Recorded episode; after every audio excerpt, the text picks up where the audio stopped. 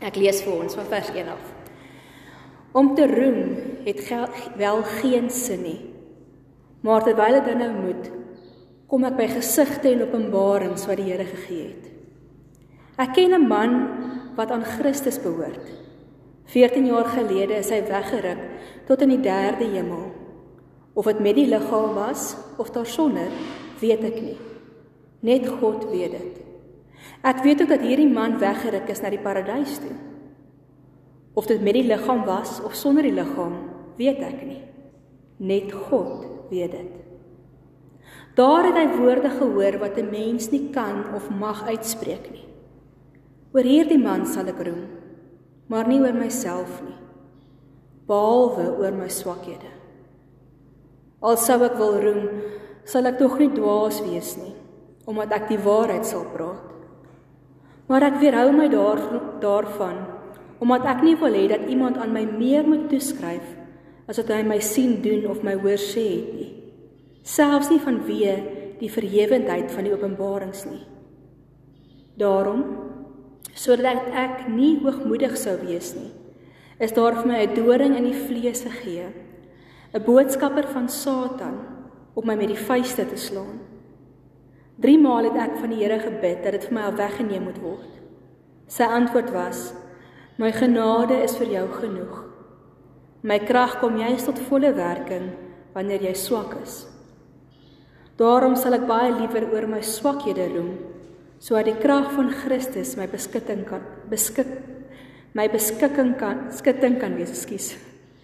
Daarom is ek bly oor swakhede, beledigings, ontberings, vervolging en moeilikhede ter wille van Christus. Want as ek swak is, is ek sterk.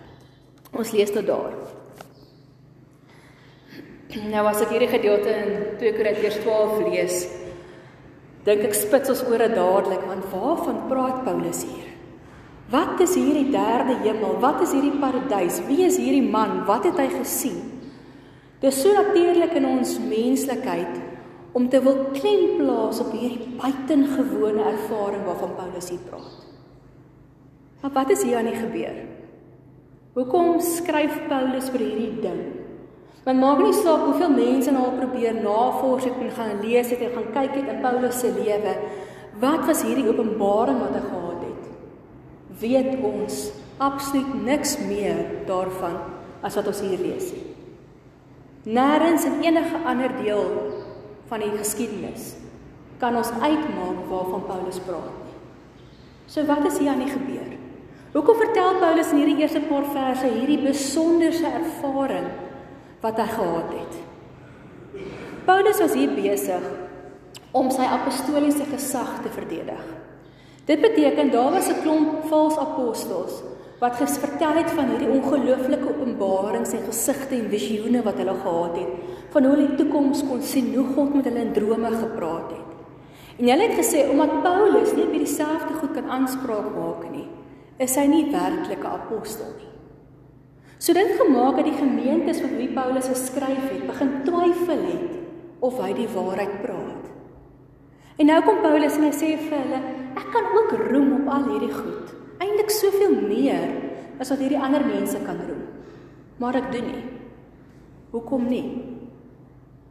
Want ons as mense dink baie keer God werk in hierdie ongelooflike groot goed die buitengewone goed. Ons hou daarvan om na mense te kyk wat iets bereik, mense wat sterk is. Ons rolmodelle is sportsterre wat mooi gebou is, né klein Chris? Is dit so? Ons rolmodelle is meisies wat mooi gevorm is. Ons rolmodelle is mense wat lyk asof hulle eers in lewe gekom het. Mense soos hierdie valse apostels. Dis die mense op wie ons klem en roem en eer wil plaas. En Paulus kom my sê, gemeente, luister mooi. Hierdie mense wat al hierdie gebeelde en hierdie visioene en openbarings kry, doen dit om die verkeerde redes.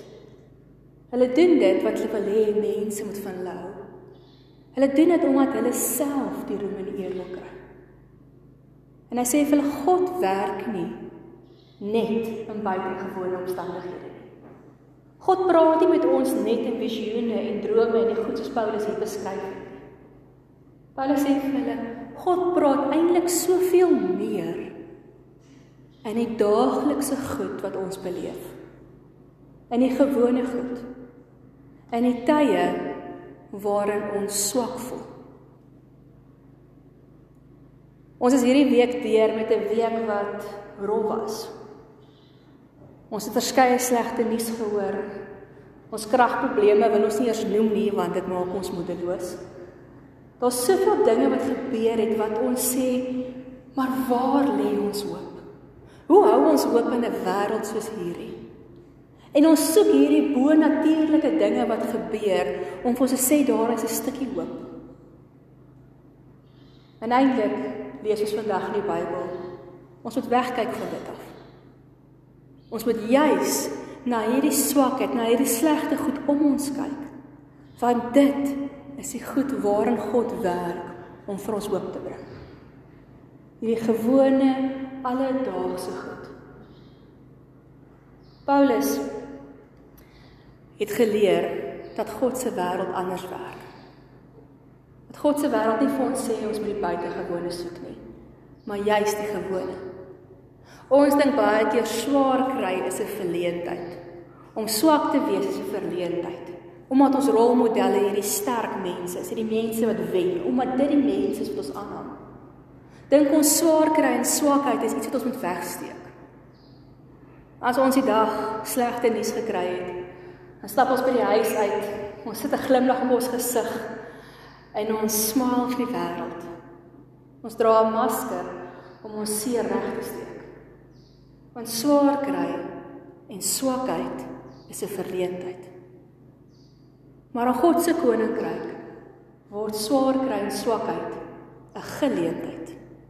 'n Geleentheid om iets te beleef van hoe God werk. Ons sien dat Paulus dit aan die een kant ook nie eers nie verstaan het nie. Ons lees hy het hierdie doring in sy vlees. Nou vir julle wat nog onthou voet om as 'n kind in 'n doring te trap wat in jou voet gaan vassit en sweer en jy kry hom nie uit en elke keer as jy op jou hak trap dan voel jy o, eina. Onthou jy hoe voel dit? Hoe klop hy en hoe brand hy en hoe seer is dit? En hy raak so rooi kol, maar jy kan daai doring net nie uitkry nie. Nou Paulus praat van so 'n ding. So 'n ding wat in sy lewe is wat vir hom moeilik is, wat vir hom swaar is. Ons weet nie presies wat dit was nie. Met al die navorsing kan 'n kan 'n gesondheidskrisis gewees het, dit kan vervolging gewees het, dit kan liggaamlike pyn gewees het. Ons weet nie wat hierdie doring was nie. Wat ons wel sien is hoe Paulus sê hy sê hierdie doring is soos 'n boodskapper van Satan wat my met die vuiste slaan. Nou wat ons eintlik hier kry is hierdie gedagte van Paulus se klaarseer. Hy loop klaar gehink en pink met hierdie doring in sy lewe. En asof dit nie erg genoeg is nie, kom die duiwel nog en hy kom gee hom nog 'n paar ekstra hoë. Dis om 'n man wat steeds lê net nog 'n skop te gee. Daar's mos 'n Engelse uitdrukking, ek het nou vanmôre die Afrikaans gesoek, maar ek kry dit nem. To kick a dog when he's laying down. Dis die ervaring wat Paulus hier het. Ek is moeg. Ek het seer. Hierdie ding in my lewe raak vir my te veel. En dan kry ek nog 'n paar houe van die kant af. Asof dit nie reeds genoeg is nie. En daarom sê Paulus en hy dink hierdie ding pla hom, hierdie ding strem hom, hierdie ding keer dat hy die werk kan doen wat God wil hê hy moet doen. En hy gaan in gebed en hy sê vir die Here, Here, vat weg hierdie ding. Ook Paulus dink dat swaar kry en swakheid iets is om weg te vat, om weg te steek, om tot siens te wens wat dit dien geen doel nie. Dit dien geen nut nie. Maar hy moes leer dat God hierdie doring in sy vlees wou gebruik. Dat God hierdie swakheid wat hy beleef wou gebruik om dit 'n geleentheid te maak. Swaar kry en swakheid steel dikwels ons hoop. Want as ons keer op keer hierdie vuishoue kry van dieselfde kant wat ons seermaak en net afbreek en afbreek en afbreek. Wanneer dinge keer op keer verkeerd loop en die sneeubal effek kom, dan verloor ons hoop. Ons dink, hoe kan ons nog aangaan? Hoeveel kere moet ek nog opstaan? Hoeveel keer moet ek nog hierdie ding doen? Hoeveel keer moet ek nog aangaan? Ons verloor hoop. So wat kan ons doen? Wat leer Paulus vir ons? Hoe swaar kry vir ons 'n geleentheid word waarin ons kan hoop kry. Waarin ons kan hoop vind. Die eerste ding wat ons leer hier by Paulus, die eerste geleentheid wat ons kry, is dat swaar kry ons juis uitnooi om dit na God te bring. Om met God te praat, soos Paulus hier gemaak het. Deur die Bybel lees ons op verskeie plekke hoe God ons uitnooi dat wanneer ons swaar het en seer kry en swak voel, ons met hom moet kom praat. Ons moet dit voor hom kom lê. Jesus self het in Getsemane 3 keer gebid die aand voor sy kruisiging. Om vir Here te vra, Here, vat weg hierdie lydensbeker van my af. Paulus lees ons hier dit ook 3 keer gebid. Hulle het aanhoudend gebid. Hulle het kom smeek vir die Here kom vat hierdie ding weg. God wil hê ons moet ons swaar kry om te bring. Dis sy uitnodiging. Maar dalk sê jy nou vir my, Damrie, hierdie een doring in my vlees, hierdie ding wat my bly pla, hierdie ding wat op my my nagte wakker hou, het ek nou al ontelbare kere na die Here gebring. Ek het nou al hierdie hieroor gebid. Hoekom antwoord die Here my nie? Hoekom vat die Here nie hierdie doring weg nie, soos hy ook die Paulus se doring weggevat het nie? Waarom antwoord God nie my smekinge nie? Dis altyd 'n moeilike vraag. Maar ek dink Romeine 8 wat ons verlede week gelees het, help nogal vir my baie om dit te verstaan. Daar het ons gelees hoe die Gees van God saam met ons sug En hoe die Gees van God ons gebede vat en die bedoelinge van ons harte voor God gaan lê. En dat die Gees dan volgens God se wil bid. Ek dink baie keer as ons na die Here toe kom met ons swaar kry en ons kom bid, dan kom ons met hierdie lysie en ons sê, Here asseblief vat hierdie ding vir my al weg.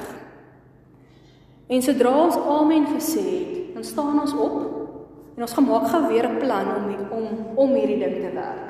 Werk dit met julle ook so? Jy gee oor, jy sê in gebed, Here, hier is hy. Maar as ek betree links hier dan wag, ek kom net gou-gou weer terugvat en net self iets probeer doen. Dit is hoe ons baie keer bid. En as ons luister na Romeine 8, dan staan daar hoe ons sê met ons mond, wat ons sê, wat ons bid, moet ook met ons harte ooreenstem. Die Gees vat ons bedoeling van ons hart na God toe. So baie keer antwoord God nie ons gebede nie. Omdat dit wat ons sê, dit wat ons werklik glo en werklik bid, nie ooreenstem nie.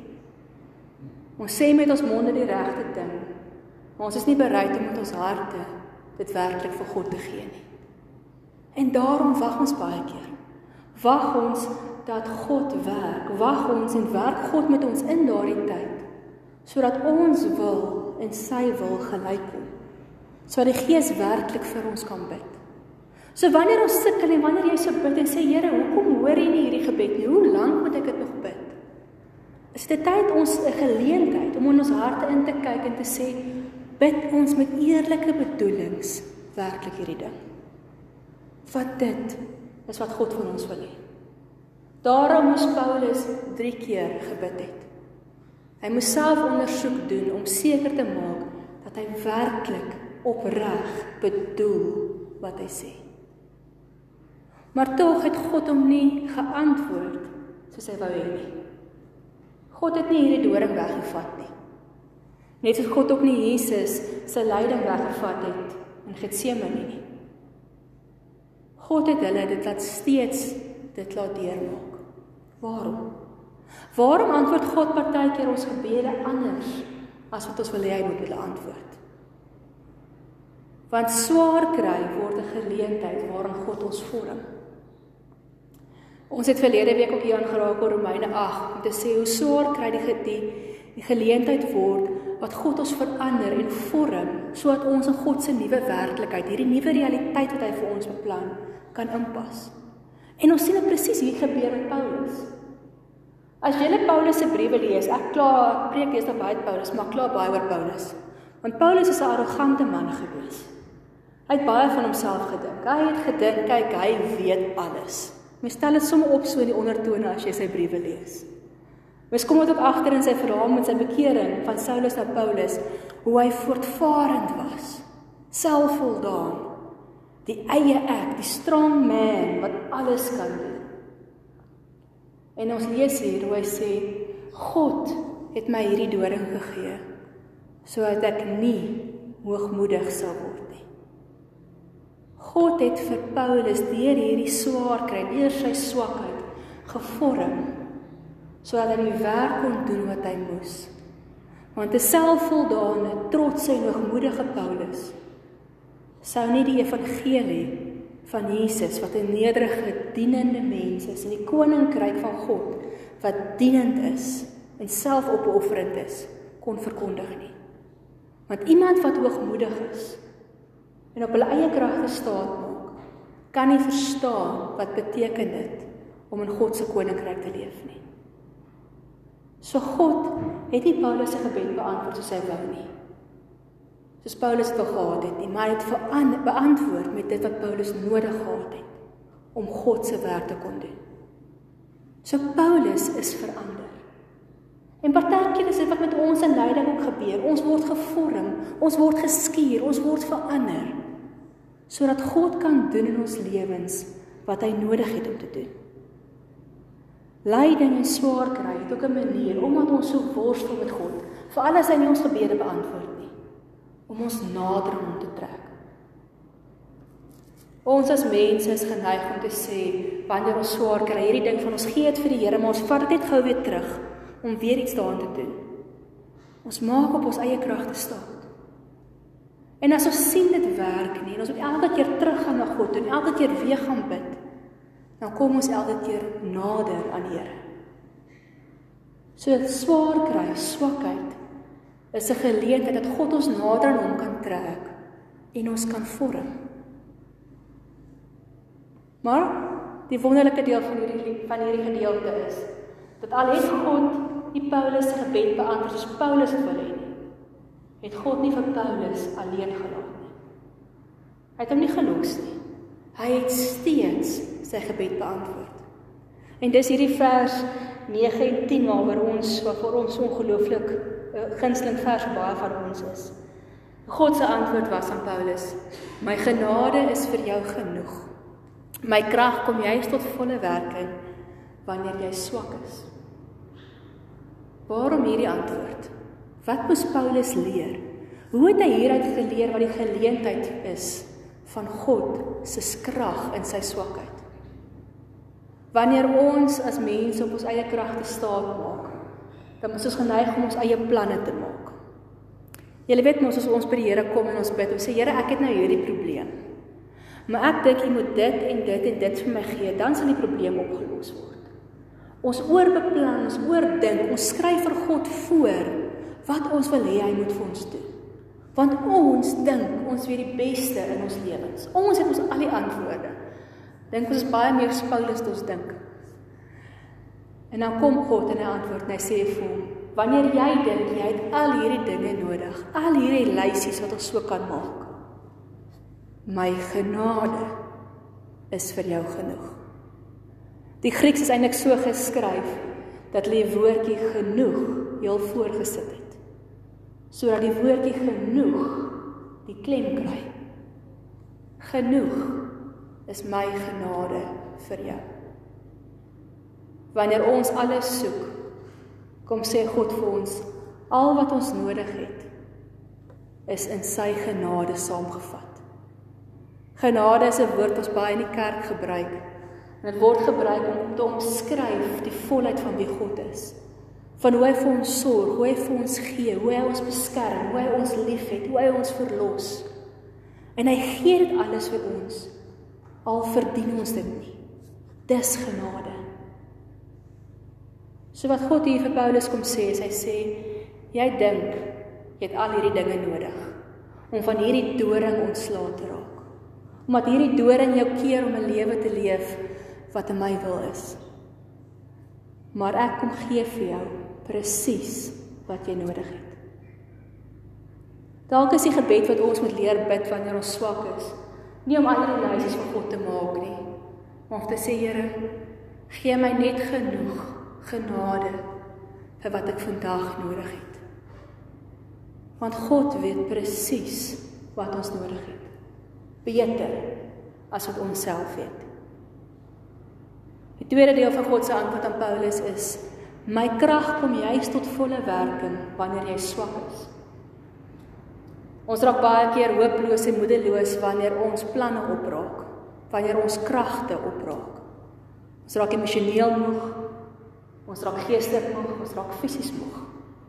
En ons weet nie meer watter kant toe te gaan om hierdie ding te laat maak werk nie. Om ons eie wil te laat maak werk nie. En dan kom God en hy sê vir Paulus: "Wanneer jou planne nou alles op is en jy nie meer krag het nie en jy moeg is en jy nou gaan sug soos ons verlede week gepraat het, weet my krag kom is vir jou genoeg." Die woord krag wat hier gebruik word is om te beskryf die vermoë om te funksioneer, die vermoë om iets te doen. Dis 'n dinamo, iets in die gang te sit. Nou wat God hier sê is ek kan eers die volle my wil en wat ek in jou lewe en in hierdie tyd in jou lewe wil doen aan die gang sit tot volheid laat kom wanneer jy swak is. God kan eers in ons werk wanneer ons swak is.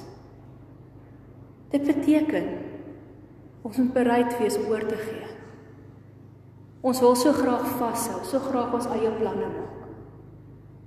Maar God wil iets in ons lewens doen, iets aan die gang sit. Maar hy kan dit net doen wanneer ons terug staan. Wanneer ons weg staan en sê nie meer ek nie, Here. Nou U wat dit doen. Ek dink ons voorbeeld van load shedding is nogal vir ons 'n baie praktiese herinnering hieraan. Ons kan baie keer so by die huise sit en ons kan besig met ons eie planne. Kom ons met Queenstown shedding. En dan ewe skielik woeps, is die krag af. Dan begin ons vies raak en ons skel ons raak kwaad, want ons het nou beplan om in hierdie tyd 'n klomp goed te doen voordat nasionale load shedding tref. Dink julle almal seer met dit? En dan nêrens besef ons maar nou kan ons niks doen nie. Ons moet oorgee. Die enigste ding wat ons dalk kan doen is om 'n generator te gaan haal en dit aan die gang te sit. En dis wat God wil hê ons moet doen. Wanneer ons daar kom en ons liggies gaan af en al ons planne val en ons kan niks doen nie. Moet ons oorgee en ons moet na hom toe gaan as ons bron van krag. Dis slegs hy wat ons lewens kan aanraak. Dis slegs hy wat vir ons kan hoop bring in hierdie wêreld waar ons is. Ons vind hoop in die dorings in ons lewe omdat God daarin werk. Omdat God daarin teenwoordig is. Maar dit vra dat ons moet oorgee. En ek dink hierdie is ons moeilikste ding. Oorgawe is 'n aanhoudende keuse. Dis nie iets wat net so eensklaps gebeur en is verby nie. Jy kan net eendag vir Here sê, Here, hier is my doring. En dan dink jy dis klaar nie. Elke keer as jy hierdie doring wil terugvat, elke keer as jy self jou planne wil maak, op jou eie kragte wil staat maak, vir die Here hierdie wenslysies wil gee, dan moet jy vir die Here weer sê, Here, ekskuus. Hier is die doring terug, want ek kan nie. Ek het van voor die erediens vir julle gevra om voor die Here die ding neer te sit wat in jou hart die swaarste lê, wat jou moeg maak, wat jou wakker hou. Ons dorings Ons dorings wat ons pla wat vir ons voel ons kry nie hierdie ding gehanteer nie. Wat ook al dit doring is. As jy wil hê God moet vir jou hoop bring in daardie hooplose plek, gee dit vir hom. As 'n stuk in 'n verhouding is, gee dit vir hom. As dit probleme by die werk is, gee dit vir hom. As jou verhouding met hom is, gee dit vir hom. As dit sonde is, gee dit vir hom. Maak nie saak wat dit is nie. Gee dit vir God. Om swak te wees is nie 'n verleentheid nie. Anders as wat die wêreld vir ons sê om dit weg te steek en en toe te maak. 'n Swakheid vir Christene, gelowiges, 'n geleentheid. 'n Geleentheid om raak te sien hoe God in ons lewens kan werk te midde van die feit dat ons niks kan doen nie. Juis omdat ons niks kan doen nie. Dis 'n geleentheid om weer nader aan God te kom. Omdat ons hieroor bid. Dis 'n geleentheid om toe te laat dat God ons vorm in hierdie swakheid om meer te word sy wil hê ons moet word, om bruikbaar te word. Dis 'n geleentheid om te ontdek wie God is en wat God vir ons wil gee. Wanneer ons besef dat hy alles vir ons gee wat ons werklik nodig het. Genoeg genade. En is 'n geleentheid om toe te laat dat God werklik in ons lewens begin werk. Wanneer ons terug staan en sê nie meer my planne Here, maar U se. Dan kan ons roem soos Paulus in swakheid. Want is nie ons nie. Geen planne, geen buitengewone openbarings, geen magic kan vervang die doodgewone goed wat God in ons alledaagse lewens wil doen. In ons seer, in ons gebrokenheid, daar wil God werk. So kom ons gebruik hierdie geleentheid. Swakheid is 'n geleentheid om hoop te kry. Hoop in God wat in ons werk. So ek wil vir julle 'n oomblik gee van stil gebed vandag.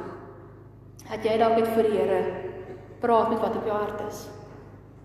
Dat jy dalk net vir hom sê, Here, dalk dankie. Dat ek weet U vir my al so hoop gegee het. Dalk is dit tyd jy vir die Here sê, Here, vat hierdie doring, vat hierdie swaar kry. Wat ook al die Gees vandag op jou hart gedruk het. Neem 'n oomblik en praat met die Here daaroor.